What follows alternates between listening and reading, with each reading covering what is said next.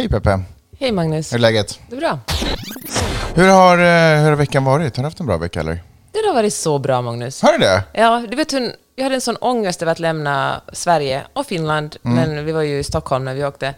Och eh, jag kände så här, tänk om när jag kommer hem till eh, Santa Monica, tänk om den här gången så är det något som skaver. Liksom det känns eh, inte rätt.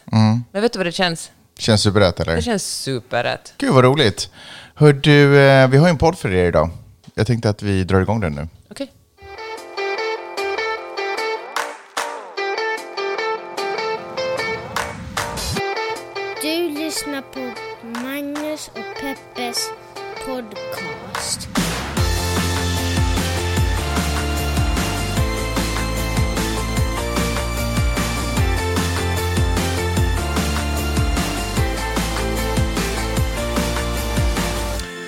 Hej och hjärtligt välkommen till podcasten som heter Magnus och Peppes podcast. Det är inte en podcast där vi pratar om stora och små händelser i världen och så gör vi det ur ett helt nytt mikrofonsystem. What up? Hur känns det? Vi har, lite, vi har skaffat ställning. Det börjar se, hur många år har vi gjort det här? Sju, Magnus. åtta år? Jag är bara oroad över att det smyger in nya grejer i vårt hem hela tiden. En dag kommer det här att bara vara en studio, inget hem. Och alltså, kanske det smyger in en ny fru, det kanske kommer in några nya barn. Nej, Nej, det kanske inte kommer hända. det vill du faktiskt Nej, inte. det vill jag faktiskt inte. Men det betyder ju inte att det inte kan hända. Du kan få drömma om det, men det kommer inte att hända. Okej. Eh, jag tänker, jag håller på att preppa för att det här ska se um, eh, representabelt ut när vi sen också börjar köra på Insta Live. Kommer du ha skjorta på dig då? Då kommer jag, jag kommer också ha kalsonger på mig. Så att det kommer, det kommer nog vara en, vad heter det, PG? Jag vet, jag vet inte. Jag Du inte börjar det sända på Onlyfans.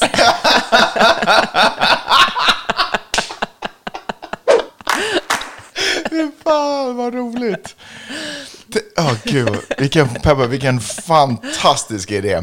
Ehm, vi var lite inne på din vecka att du har haft det bra, men har du några sådana här, är det några saker som, är det några saker som har stuckit ut som gjort att fucking LA, men det där, det känns bra. Jag menar, folk är så glada, man hälsar på varandra. Mm. Jag var lite sådär att, åh, kan jag köra bil igen efter två månader där i Norden? Ja. Satt mig bakom ratten. Slog på autopilot och du kunde. Och. Nej, men det var också här, körde längs med Stilla havskusten och kollade på surfarna. Alltså det var bara Mm. härligt. Wait, vad, vadå? Och, och, körde och kollade på surfarna? Nej men i Stilla havet. Ja. Men Det här är någon slags, äh, åh Peppe kolla på andra Vad håller du män." på att kolla på andra män eller? Vad är det för, hur gam- är det någon medelålders kris?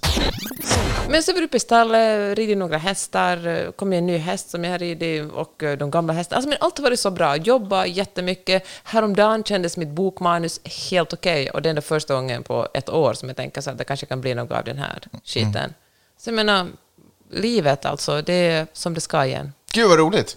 Jag känner mig också, jag känner mig väldigt tillfreds. Jag börjar, jetlagen tror jag har lämnat min kropp helt och hållet, så jag känner mig... Eh, det är skönt att vara tillbaka i rutiner. Jag tror att det är det som är det största för mig. Jag är ju en otrolig rutinmänniska. Så, så, fort, så när jag är på andra platser så då blir det bara svårt för mig mentalt att hantera det. Så nu kan jag vara tillbaka till mina rutiner, jag kan börja komma igång med lite så här, röra på mig. Och fy fan vad röra på sig är bra för mig. Det är så bra för mig. Det öppnar upp alla mina hjärn... Jag bara känner hur mina hjärnceller, mina neuroner, heter det så, i huvudet får syre och energi. Varför kollar du på mig sådär? Ja, men det är alltså folk som berättar om att du har börjat träna eller hur de har sovit. Okej, och du har drömt om? Okej, bra. Eh, då, vi kör podden bara då. En eh, stor del av mitt nya liv handlar om att Maj-Lis nu för tiden går i skola. Det är coolt. Eller TK heter det. Jag vet egentligen inte riktigt vad Dagis, oj, eh, förskola. Oj! Ja, ja, men säga the n-word. Nej, men, vet liksom. du, nej, men vet du, det är typ så. Jag har märkt hur alla poddar som jag jobbar med gör de här grejerna, för det är tydligen enorma, liksom, eh, det kan få enorma konsekvenser om man, säger, om man slänger ut det ordet. Jag tror man får göra det i Finland, men Finland ligger ju alltid några år efter. Så det här Sverige. går ut till Finland, så jag tror att de går på dagis typ. Jag tror att det är en sån grej. Ja, det är verkligen stort. Det som jag inte har förväntat mig att få uppleva... Fast förlåt, men får, får, jag, bara stanna, får jag bara säga en sak om det där? För jag, jag, jag fattar ju, det är klart att om man har gjort en utbildning och man har på något sätt fått, man har kämpat Man hårt. pedagog. Man har kämpat hårt för att få en titel och för att få någon form av kompetens, så kanske man inte vill bara förminskas till dagisfröken. Mm. Som om det skulle ha varit en, en, något, förmin, alltså så här, något dåligt under alla decennier som det har existerat. Eh, men samtidigt så känner jag också sådär, att jag tror inte att jag skulle superflippa om någon bara kallade mig, inom citationstecken, klippare. Alltså, jag, jag kan väl inte förvänta mig att alla ska förstå, alla tittar. Men nej, jag är faktiskt eh, redaktör, producent. Alltså, Fast jag vem bryr han- sig? Nej, men så här, jag tycker det handlar om att respektera det folk vill bli kallade. 100 procent. Men om det är för att jag inte liksom... Såklart är det så. Så nu är jag ju informerad, alltså finns det ingen orsak för mig att prata om dagisfröknar, för att jag är informerad.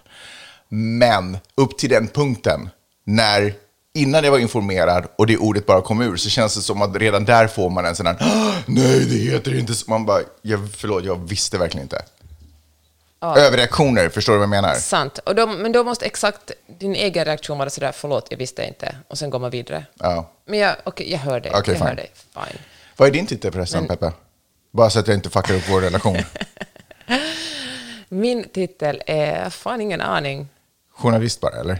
Journalist och Författare, författare. ja. Men aldrig att förglömma att jag har faktiskt jättemycket akademisk utbildning i...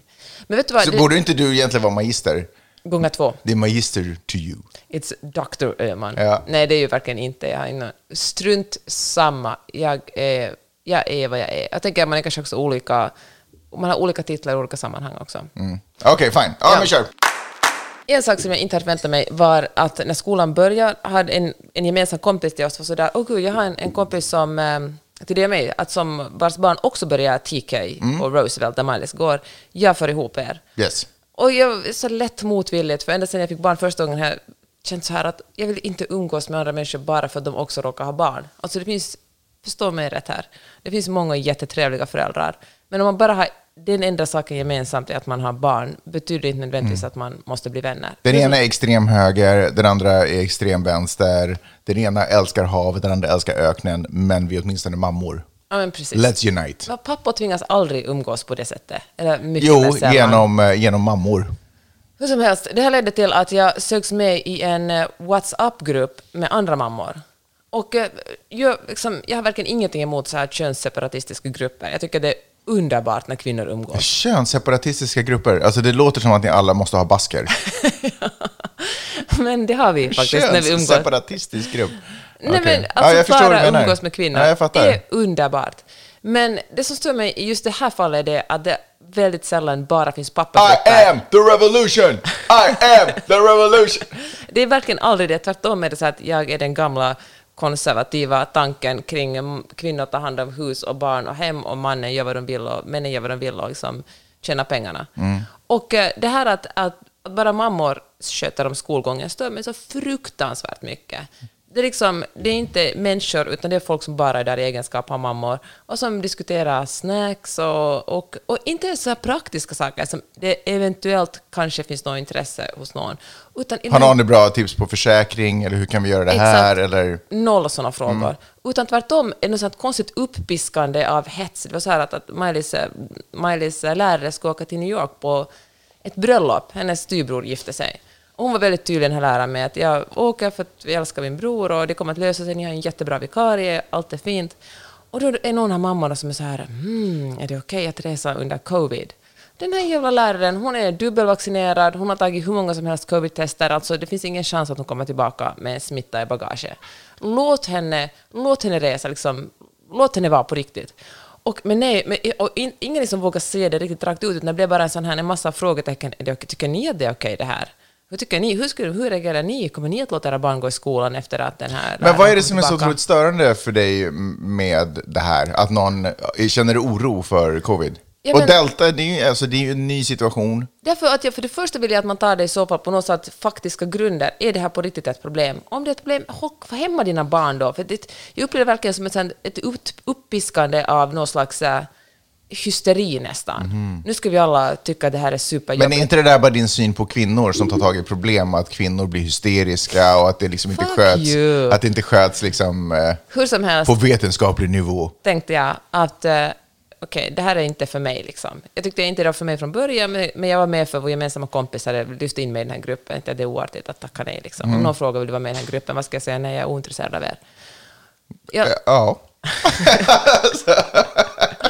men så tänkte jag så här, så som man ibland om man- det är någon som man inte tycker är superintressant på Instagram, då mutar man den. Mm. Eller liksom, alltså, det finns säkert att, det finns sätt att smyga ut ur rummet. Absolut. Men eh, det kan man Det är tydligen ju inte... taskigt att avfölja någon på Insta. Alltså om det inte är du vet, någon som är du vet, någon superstjärna som inte ändå bryr sig. Men om det är någon så här kompis-ish. Ja, Eller bekant snarare. det har också hänt faktiskt. Jag är, Avföljt. Ja. Då mutar man. Det, är ju, det gör man väl förstås. Ja, men jag har först på sistone kommit in i strunt samma. Okej, mm. Men eh, tydligen, på, om man går ur en WhatsApp-grupp, så Mm. då står det jättetydligt så här, Peppe has left. Ja. Och det var det som hände? Och det var eller? det som hände. och eh, Så det blir verkligen ett tydligt statement? ja, Ja. genast efter det så började en av mammorna ringa mig. Nej, Ja, och, eh, men jag svarar ju inte på för telefonsamtal. då mutar du. Ja.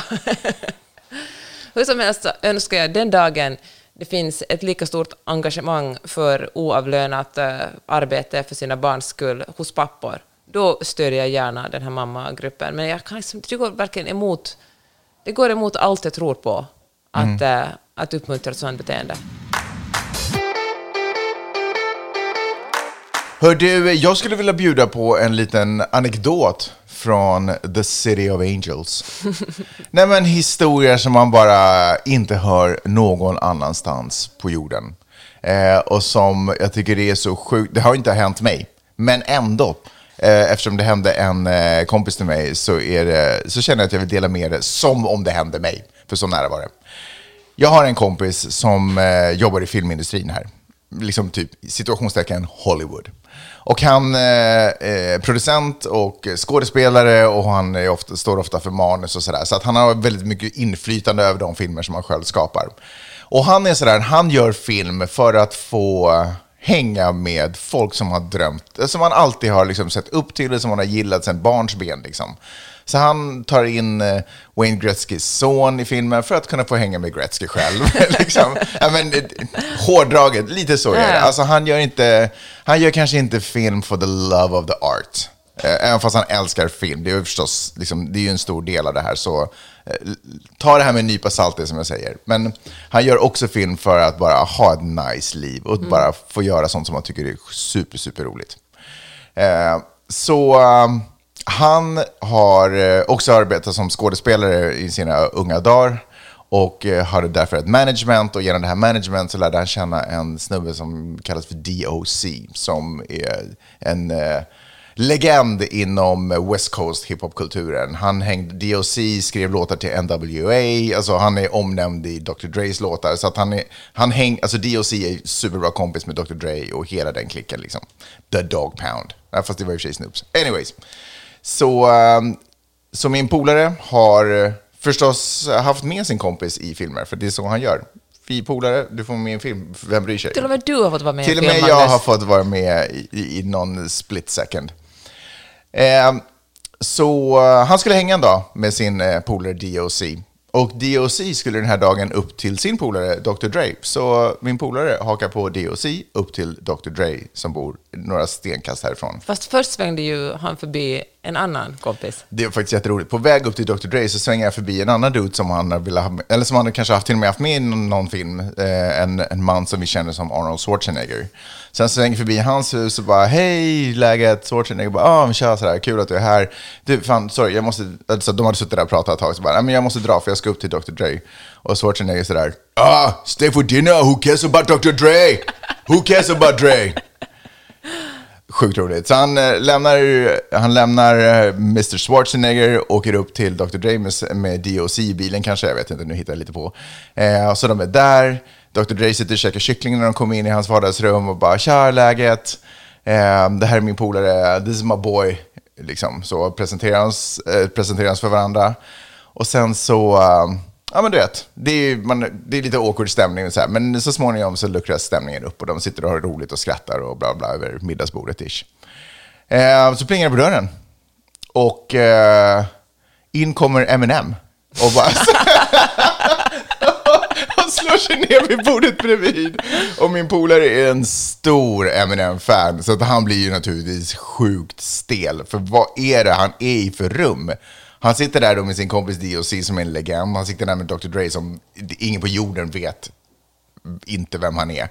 Eh, och sen dessutom så kommer eh, Eminem. Alltså det här är USAs, kanske världens topp 10 eh, liksom hiphopartister. Eh, Okej, okay, sjukt awkward. Han var så här, Eminem är jättelåg med, lite sådär blyg, lite så, han bara, hi Marshall, typ sådär, räcker fram handen. Okej, okay, hi, sådär. Och sen så, uh, när Eminem kommer in, då har de facto Dr. Dre satt sig vid sitt piano redan innan. Eh, och sitter och spelar lite klassisk musik, eh, sjukt otippad och random. Men han sitter och spelar lite klassisk musik. Eminem kommer in, Dr. Dre sitter fortfarande och plinkar. Eh, och sen så helt plötsligt så drar han igång introlåten till, eller introtonerna till, eh, jag tror det är, jag vet inte vilken av låtarna, men en sån här känsbakt intro, dun, dun, dun, dun, dun, dun, något sånt liksom. Varpå Eminem börjar rappa till den här låten. Så där sitter min polare i Dr. Dres vardagsrum. Inom parentes, om ni kan amerikansk fotboll så kanske ni känner till en karaktär, karaktär som heter Tom Brady. Han är liksom mm. största fotbollsspelaren i USA just nu. Det är hans förra hus för det första. Och min polare är också en stor fan av Tom Brady. Så det är väldigt, det är väldigt mycket overload av liksom eh, pojkdrömmar just nu. eh, så han sitter i Tom Bradys förra hus tillsammans med de här hiphop-legenderna. En av de här hiphop-legenderna spelar piano just nu. Den andra börjar liksom freestyle-rappa och sådär. Och eh, min polare säger, okej, okay, det här, alltså hur gör man i en sån situation? Eh, så uh, plingar det på dörren igen. In kommer Snoop Deal Double G och, eh, och då började det riktigt spåra. För då bestämde han sig för att gå till, ja men så här, Dr. Dre visar runt i huset och sen visar alla sina platinum plaques och alltihopa från alla låtar han har tjänat, eller liksom alla framgångsrika låtar han har gjort. Um, och så typ går de ner i studion som Dr. Dre har. Eh, och då är hela, liksom, hela gänget är där och min polare. Och så börjar, Dr. Dre håller tydligen på att jobba på ett nytt album. Som, goda nyheter. Goda nyheter, eh, som då förstås ingen har hört, men den börjar då spelas upp, för då ska de ha en liten brain session runt det här. Så de börjar spela upp den här ah, skivan och eh, Snoop och Eminem, de börjar liksom lite rappa runt det här och liksom, eh, hitta nya sätt att göra saker på, gör lite anteckningar på, på papper. Bara, ah, man kanske kan ha det här här, man kanske kan ha det här här. Och under tiden sitter min polare bara och tittar på det här. Eh, och bara undrar, vad i helvete är det som händer? Eh, ja. Sen så eh, får han ett eh, sms från sin fru eh, som säger att nu är det dags att komma hem, nu har du varit borta sex timmar. Och så då tackar han för sig och sen så, sen så åker man hem. Och bara den fotnoten, det är väl ändå kärlek, får jag väl ändå säga. Att man bara lämnar den gruppen skulle, i den situationen. Skulle du ha lämnat den gruppen? Jag hade inte ens tagit upp min telefon kan jag säga till dig. Jag hade inte sett det där smset än. Um, ja. Så um, en liten historia från uh, Los Angeles. Okej, okay, jag skulle vilja tala om någonting eh, mycket tråkigare. Okay. Du får komma med de roliga historierna, jag kommer med tråkiga historierna. Nej, men hur sjukt är det? Tänk att det händer vanliga, män, liksom, typ vanliga människor. Ja, det, jag kan liksom inte riktigt äh, greppa det. Vem skulle ha varit din motsvarande sån här häng i vardagsrummet som du hade varit sådär, what the F händer just nu? Är det Tina Fey? Sitter kanske där? Amy Poehler, tänker du? Ja, jag tänker kanske det. Skulle du vara sådär, åh oh, herregud. Fast det är också en grej att det är, för det här är ju stora artister förstås fortfarande, men det är framförallt kopplat till en ung, ens egen ungdom. Mm. Det är inte så kopplat till ens nuvarande. Alltså jag har ju alltid varit ett väldigt stort Madonna-fan. Mm. Men fan, jag är liksom lite svårt för henne på sistone. Det är hemskt att säga, men hon, ja, men hon verkar inte må så... Hon verkar inte så stabil och gått ut med lite covid-fakta som verkligen inte är fakta. Mm. Och det är liksom svårt att... Baserat lite på kabala-info liksom. Men kanske vi borde ha ett snack Ja. ja du hade ju förstört, du hade inte kunnat sitta där. Du hade ju förstört stämningen om du pratade om något allvarligt och viktigt. liksom. Du sitter där, Snoop, Eminem, Dr Dre, alla sitter och rappar, DOC är där, de rappar. Du bara, förlåt, vänta, kan vi bara pausa musiken? Jag måste bara, det här är Afghanistan, alltså kan vi bara, vad fan, vad händer där? Liksom, kan vi bara försöka, let's come together. ja, men det ska vara ett perfekt tillfälle. De har ju ändå resurser. 100 procent. Jo, jo, jo, absolut. Ja, det ja, det egentligen ja. synd och skam att inte göra det. Verkligen. Det, det där känner jag ofta, att jag försöker dissa dig för dina präktiga egenskaper, men du har ju också rätt i det du gör. Så att, eh, Tråkig men präktig. Tråkig men präktig. What's not to love? Nej men okej. Men hade du någon eh, så här, favorit vardagsrumshäng? Fan vilken svår eh, fråga. Jag vet att min kompis Sissan skulle ju direkt ha sagt Så att du hade fått Turner. en sån här eh, kvinnoboner? En kvinnoboner. Det måste finnas ett bättre, en riktigt svullen klitoris menar du? Till exempel. Um, Om du verkligen vill gå in på detaljer. men jag tänker också man måste väl ta tillbaka det språket också. Vi kan ju alltid inte referera till Nej, men- på basen av en mans könsorgan.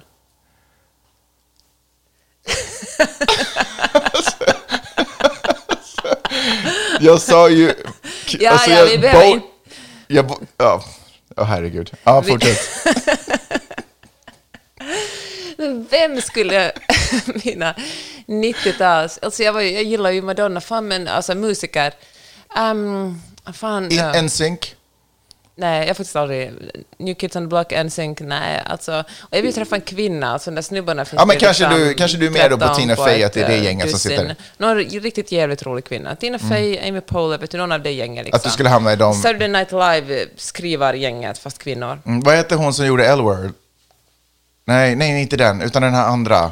Som jag tror att du också, som du typ hade väl sett också, skymten av på någon restaurang. Amy Schumer är säkert jätterolig också. Ja, Amy Schumer. Ja, du tänker på Lina Dunham. Ja. Nej, jag, tror hon, jag tror att Lina Dunham är jättejobbig att prata med Aha, faktiskt. okej. Hon är ju väldigt duktig i det hon gör, men jag tror att hon är som person en kanske inte superkul att hänga med. Har ingen aning, får ta reda på det. Men sitta med smarta och framgångsrika komiker, kvinnor, hamna i Ja. ett sånt rum och bara sitta och lyssna. Lite som en fluga på väggen fast vid en stol. Ja.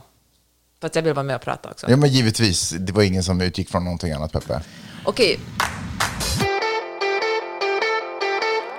Jag prenumererar ju på en massa nyhetsbrev Mm. och eh, älskar alla dem, annars skulle jag inte prenumerera på dem. Du har ju också ett eget, Ja, peppe.substack.com. som jag läser. Jag kan rekommendera det. Gjorde du det? Ja. Vad skrev jag om senast då? Okej, jag har inte läst det senaste, men jag brukar titta på dem. Jag kanske inte läser alla artiklar heller, men jag brukar kolla lite vad du, du har fastnat för. Jag tycker det är intressant. Ja, men då brukar jag skriva lite vad jag tänkt på i veckan och så listar jag kanske tio stycken bra texter jag har snubblat över i veckan och så tipsar jag om en tv-serie eller en film på slutet.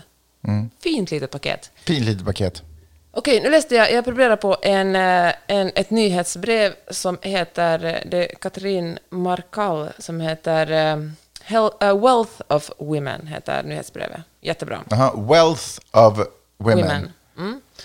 Och, och eh, själva rubriken på det här veckans nyhetsbrev är How much glamour labor did you do this week?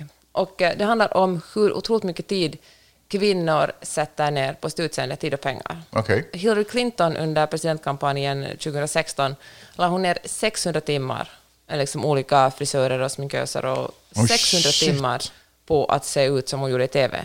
Och, Fast vänta, hur lång är perioden? men vad är ett år kanske?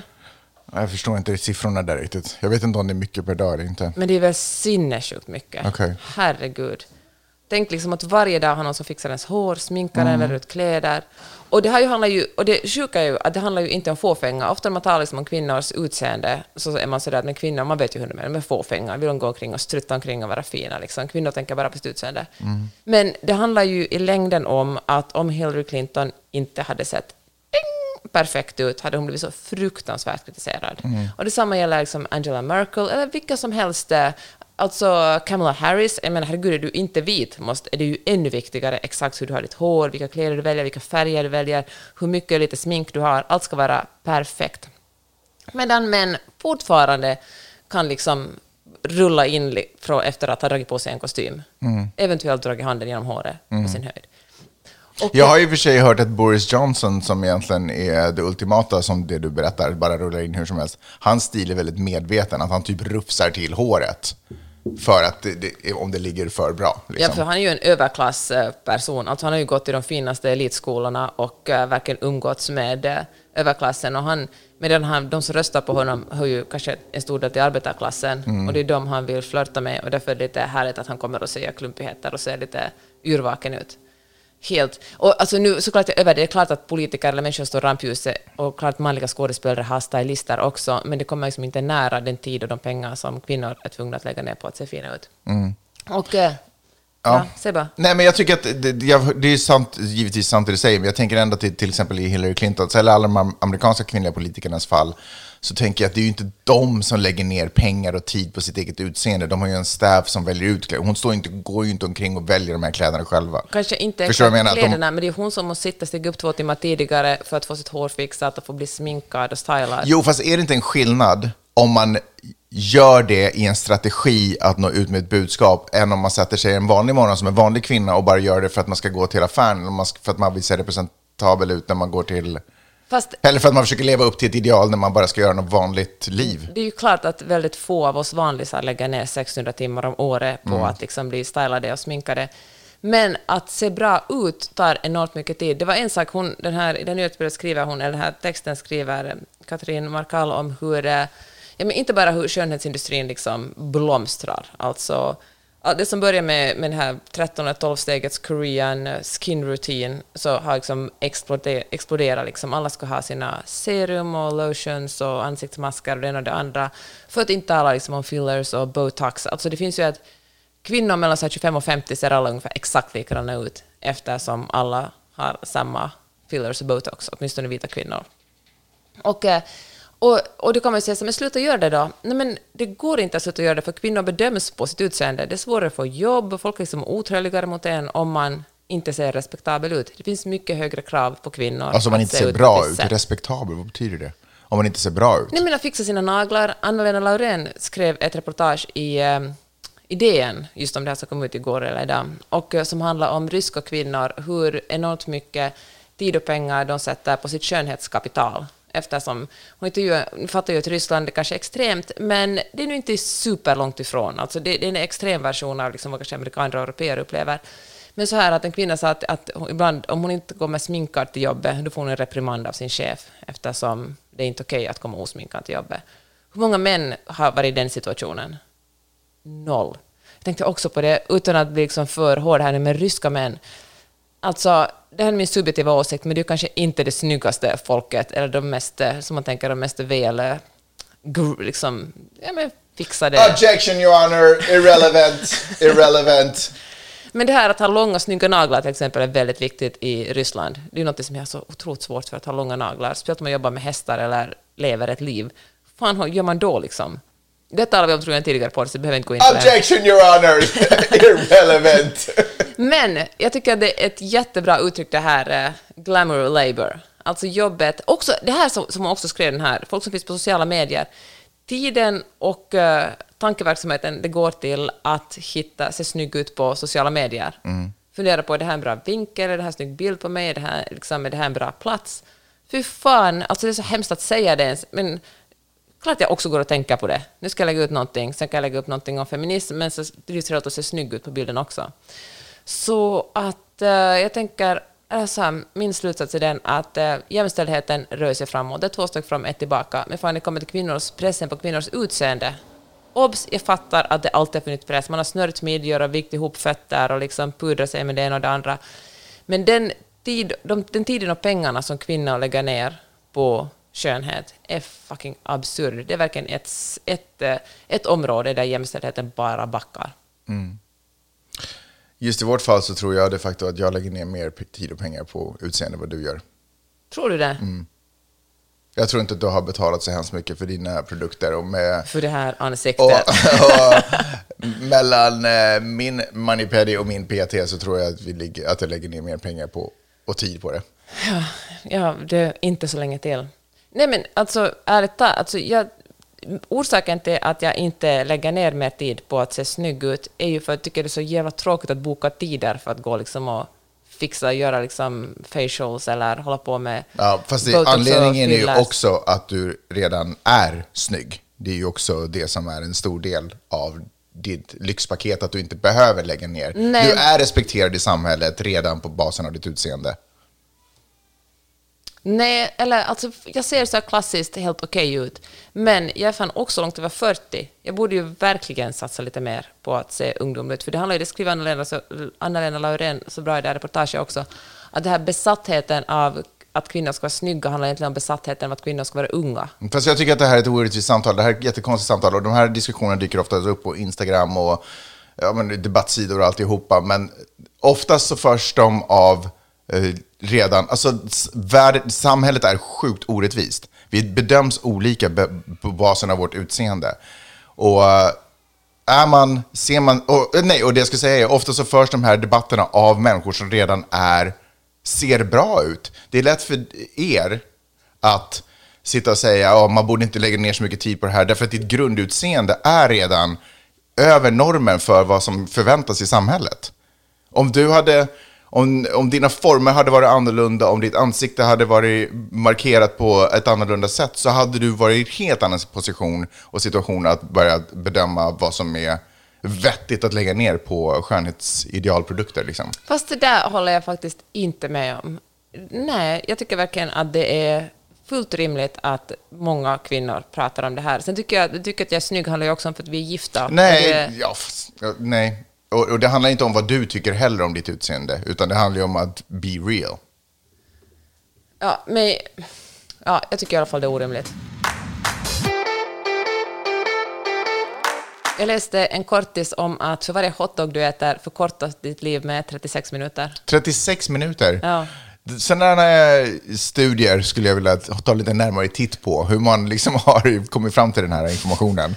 Peanut butter and jelly sandwiches, som ju är populärt här om man tror att det är ganska dåliga, Mm. de förlänger livet med 33 minuter. Men det är sant, så en hotdog är en peanut butter, alltså en hotdog med De tar ut varandra. Samma, plus minus noll. Minus tre minuter. Men. Ja, men, man får ju aldrig reda på hur långt man skulle ha levt i, liksom, hur långt en standardlivslängd är för en. Hör du, men jag, jag har tänkt mycket på det här med vad vi äter, och inte bara vi, utan... För, för kolla här, får jag bara säga. För att om jag förväntas leva till 120, då tänker jag att jag börja trycka i mig massvis med hotdogs. Så man får ju aldrig liksom reda på vad det är bort ifrån. Om det är så att jag har fem år till, då är det bara peanut butter jelly sandwiches som jag äter. Hör du, din PT som du har träffat en gång, han frågade dig vad du äter och Mm. eh, du var sådär, pasta. Vet du vad jag skulle vilja att min PT hette Peter? Så att det skulle liksom vara min PT är PT. Okej, Okej. förlåt. Ja. Eh, ja, exakt. Nej, men, nej, jag, jag frågade ju honom varför min mage står ut.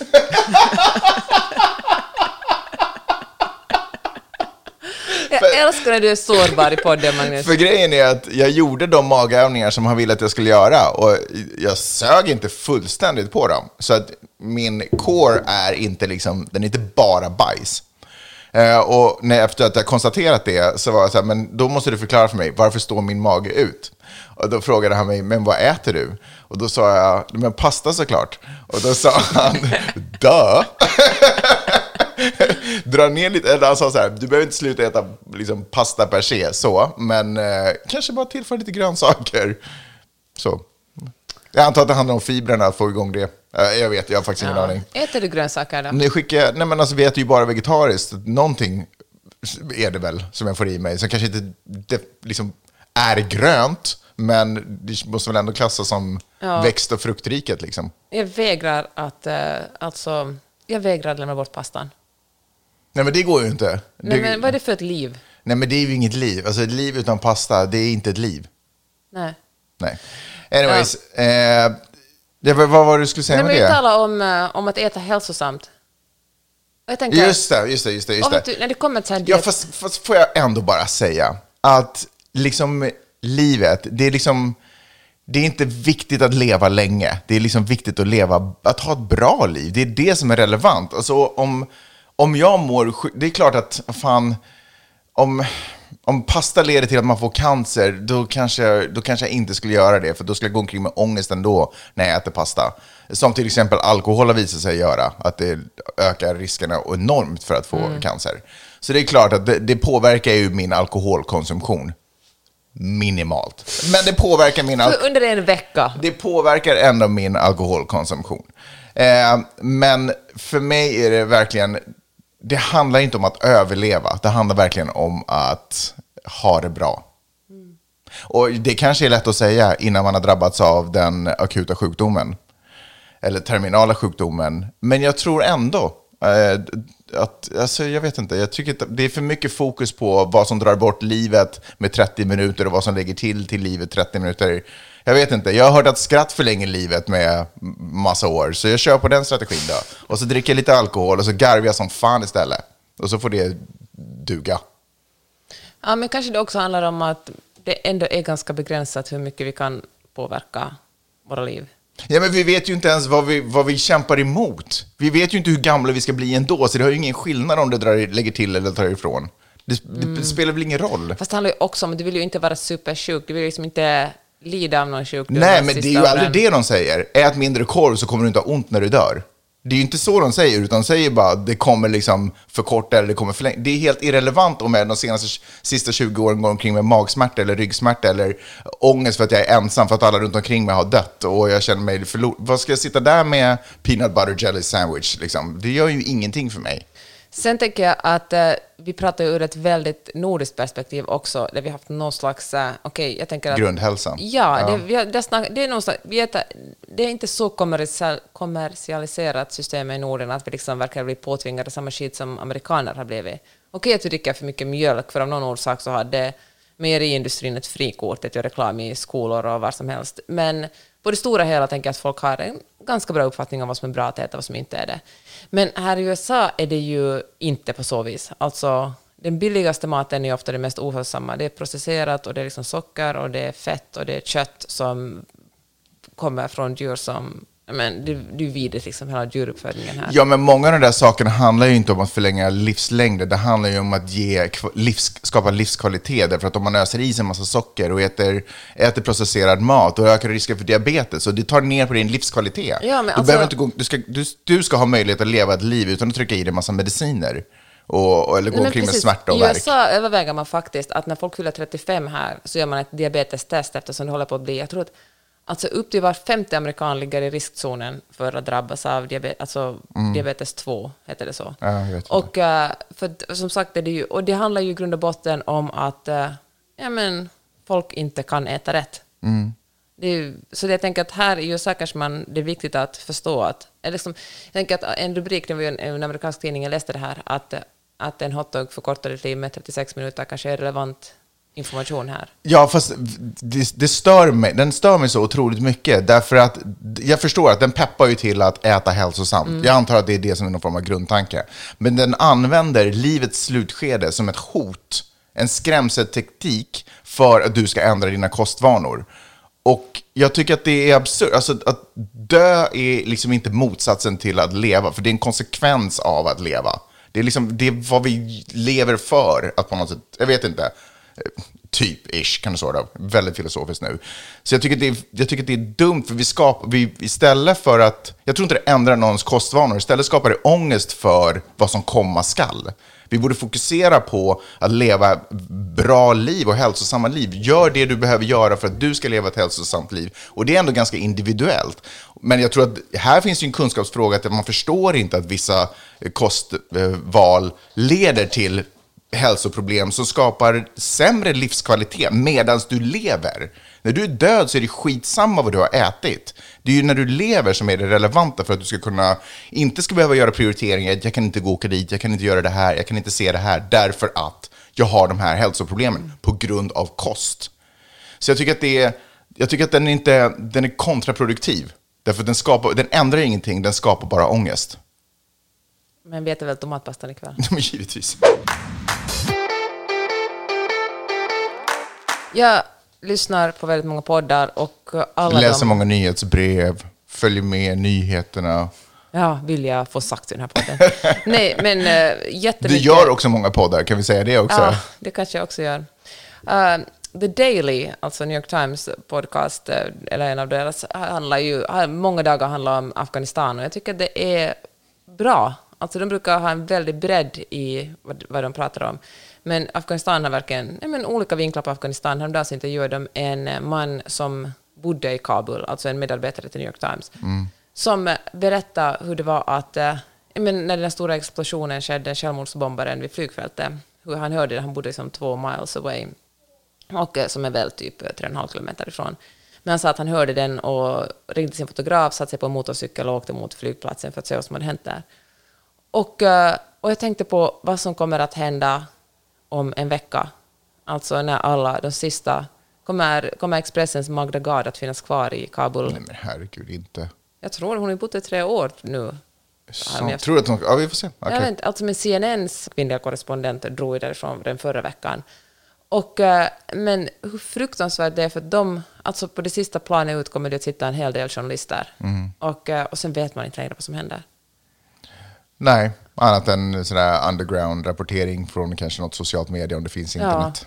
Det är så fruktansvärt deppigt. Ja, men det finns, vad, vad är liksom, vi, vi pratade om det här förra veckan och jag förstår att jag inte har en hemskt positiv eller kanske sund inställning till det, jag vet inte. Men vad fan ska man göra? Alltså, det finns ju inget annat att göra än att komma dit med trupper igen. Alltså, det finns ju inget alternativ. Det går inte att ändra, alltså, op, op, oppress, vad fan, eh, di, diktatoriska styren, eller vad fan heter det? Jag hittar inget bra ord för det där. Men, Diktaturer. Ja, men eh, oppressive, liksom, när det, n- när det, så då är det ju folket som rycker med. Det är de de ska styra. Så det är klart att det är de de tar kontroll över och gör livet surt för. Och om man vill engagera sig för det, så ja, man kan ge till välgörenhetsorganisationer och det kan man väl göra. Och de gör garanterat 100% jättemycket nytta.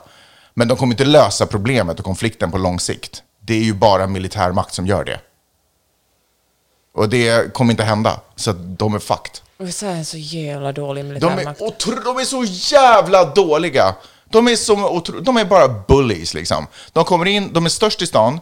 De kommer in med sina nypumpade och glänsande muskler, dominerar, men de har ingen känsla för strategi. De kan inte bygga upp ett skit liksom. De kan inte styra det egna landet.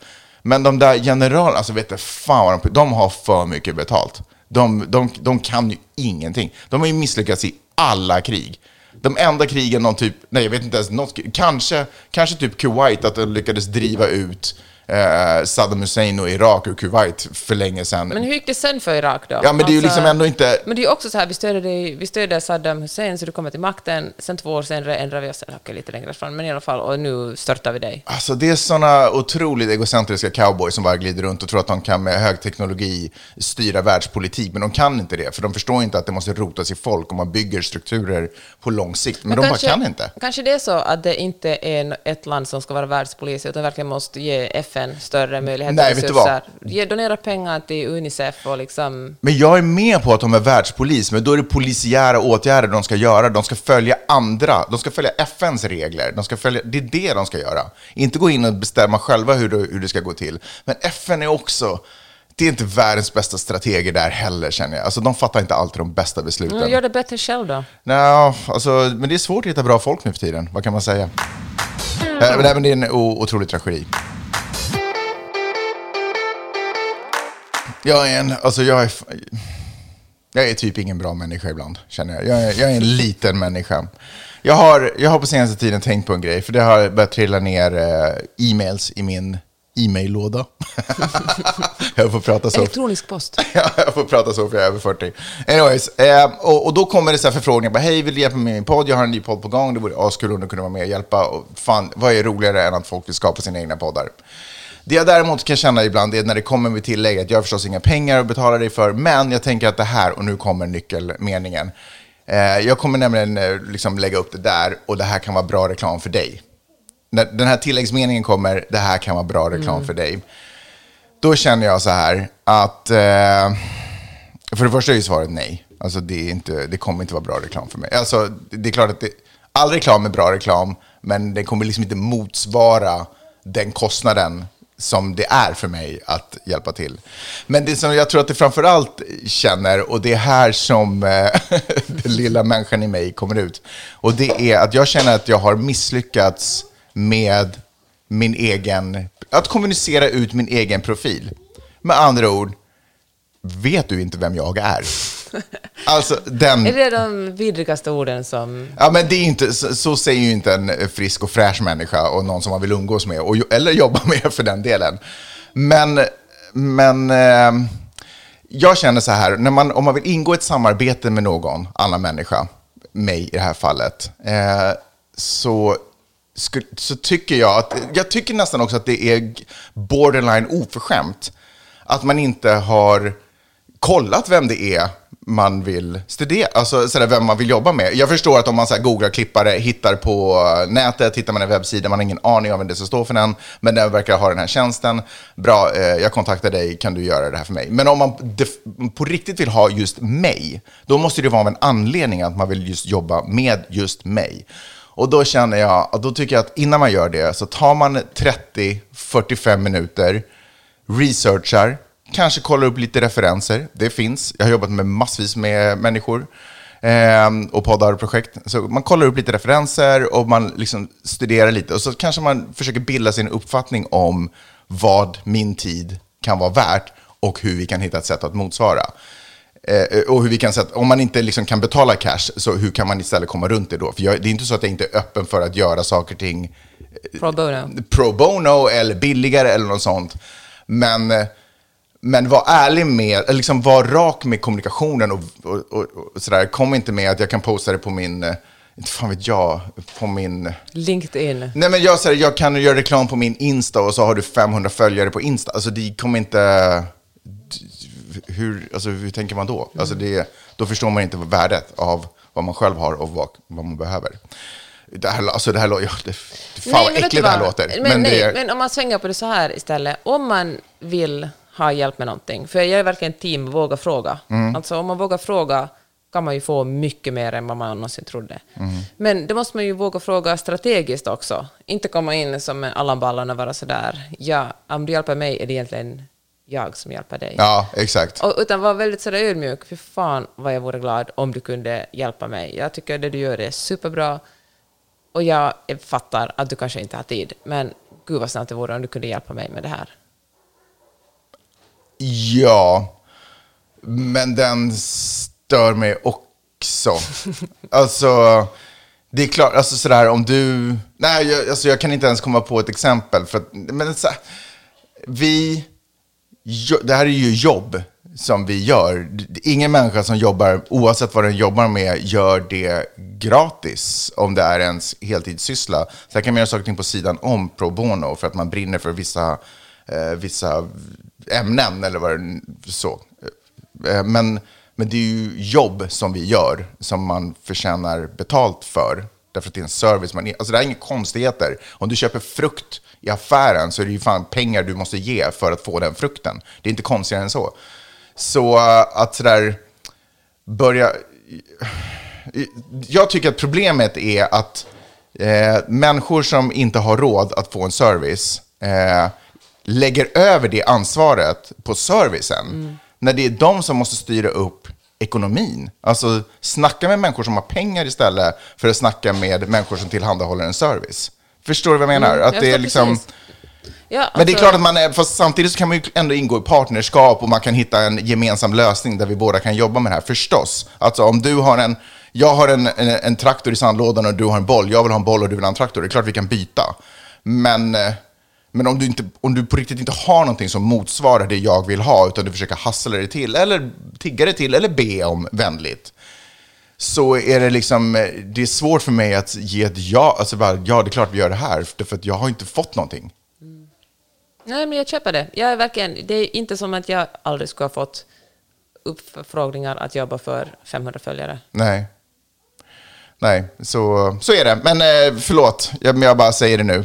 Så snälla ring inte mig. Nej, jag skojar bara. Nej, Nej jag, jag vet inte hur jag skulle säga det här på ett snällt eh, sätt. Men jag tycker att det är... Ja, det har bara... Jag kan bara säga, vet du inte vem jag är? Ja, men det, alltså, mitt ego blir ju också lite sårat när någon inte är, är sådär, eh, sir. Eh, jag, Dear Mr. Oman, I realize that. Men du vet, alltså jag är... Jag känner att du inte riktigt kommunicerar ut. Nej men så här, kolla. Ingen, ingen ringer Obama. Ingen som bor i, eh, någonstans utanför eh, en stad i Sverige ringer Obama och frågar om inte du kan dela den här lilla roliga grejen som jag kommer på på ditt Insta. Ingen gör det, därför att alla fattar att Obama är större än det. Alltså, han hjälper gärna och han gör pro bono-grejer, men pro bono-grejer han gör har en helt annan inverkan på saker och ting. Alltså han är större än det. Och man förstår det, därför ringer man inte honom. Jag är alltså Obama över poddklipperiet. Jag är Obama. Så i poddvärlden är jag Obama. Så bara sådär, Så vi har nivån satt. Okej, gud, herregud, jag skäms. Okej, hör du, Jag skäms. äh, ska vi åka och surfa nu? Okej, nu drar vi och surfar. Fan vad roligt att eh, ni har lyssnat på den här. Jag ber om ursäkt, nu, nu kommer jag ha ångest en vecka. Du, nu backar du igen. Vad står för det du säger, Magnus? Jag kommer ha ångest en vecka. Vi döper den här podden till Jag är Obama. Hörni, tusen tack för att ni har lyssnat och tack alla ni som betalar för den här podden. Ja. Det finns några av er fortfarande. Ja, det, ni finns fortfarande och vi uppskattar det så otroligt mycket. Det är nämligen så att ingen jobbar gratis, det gör inte ni heller.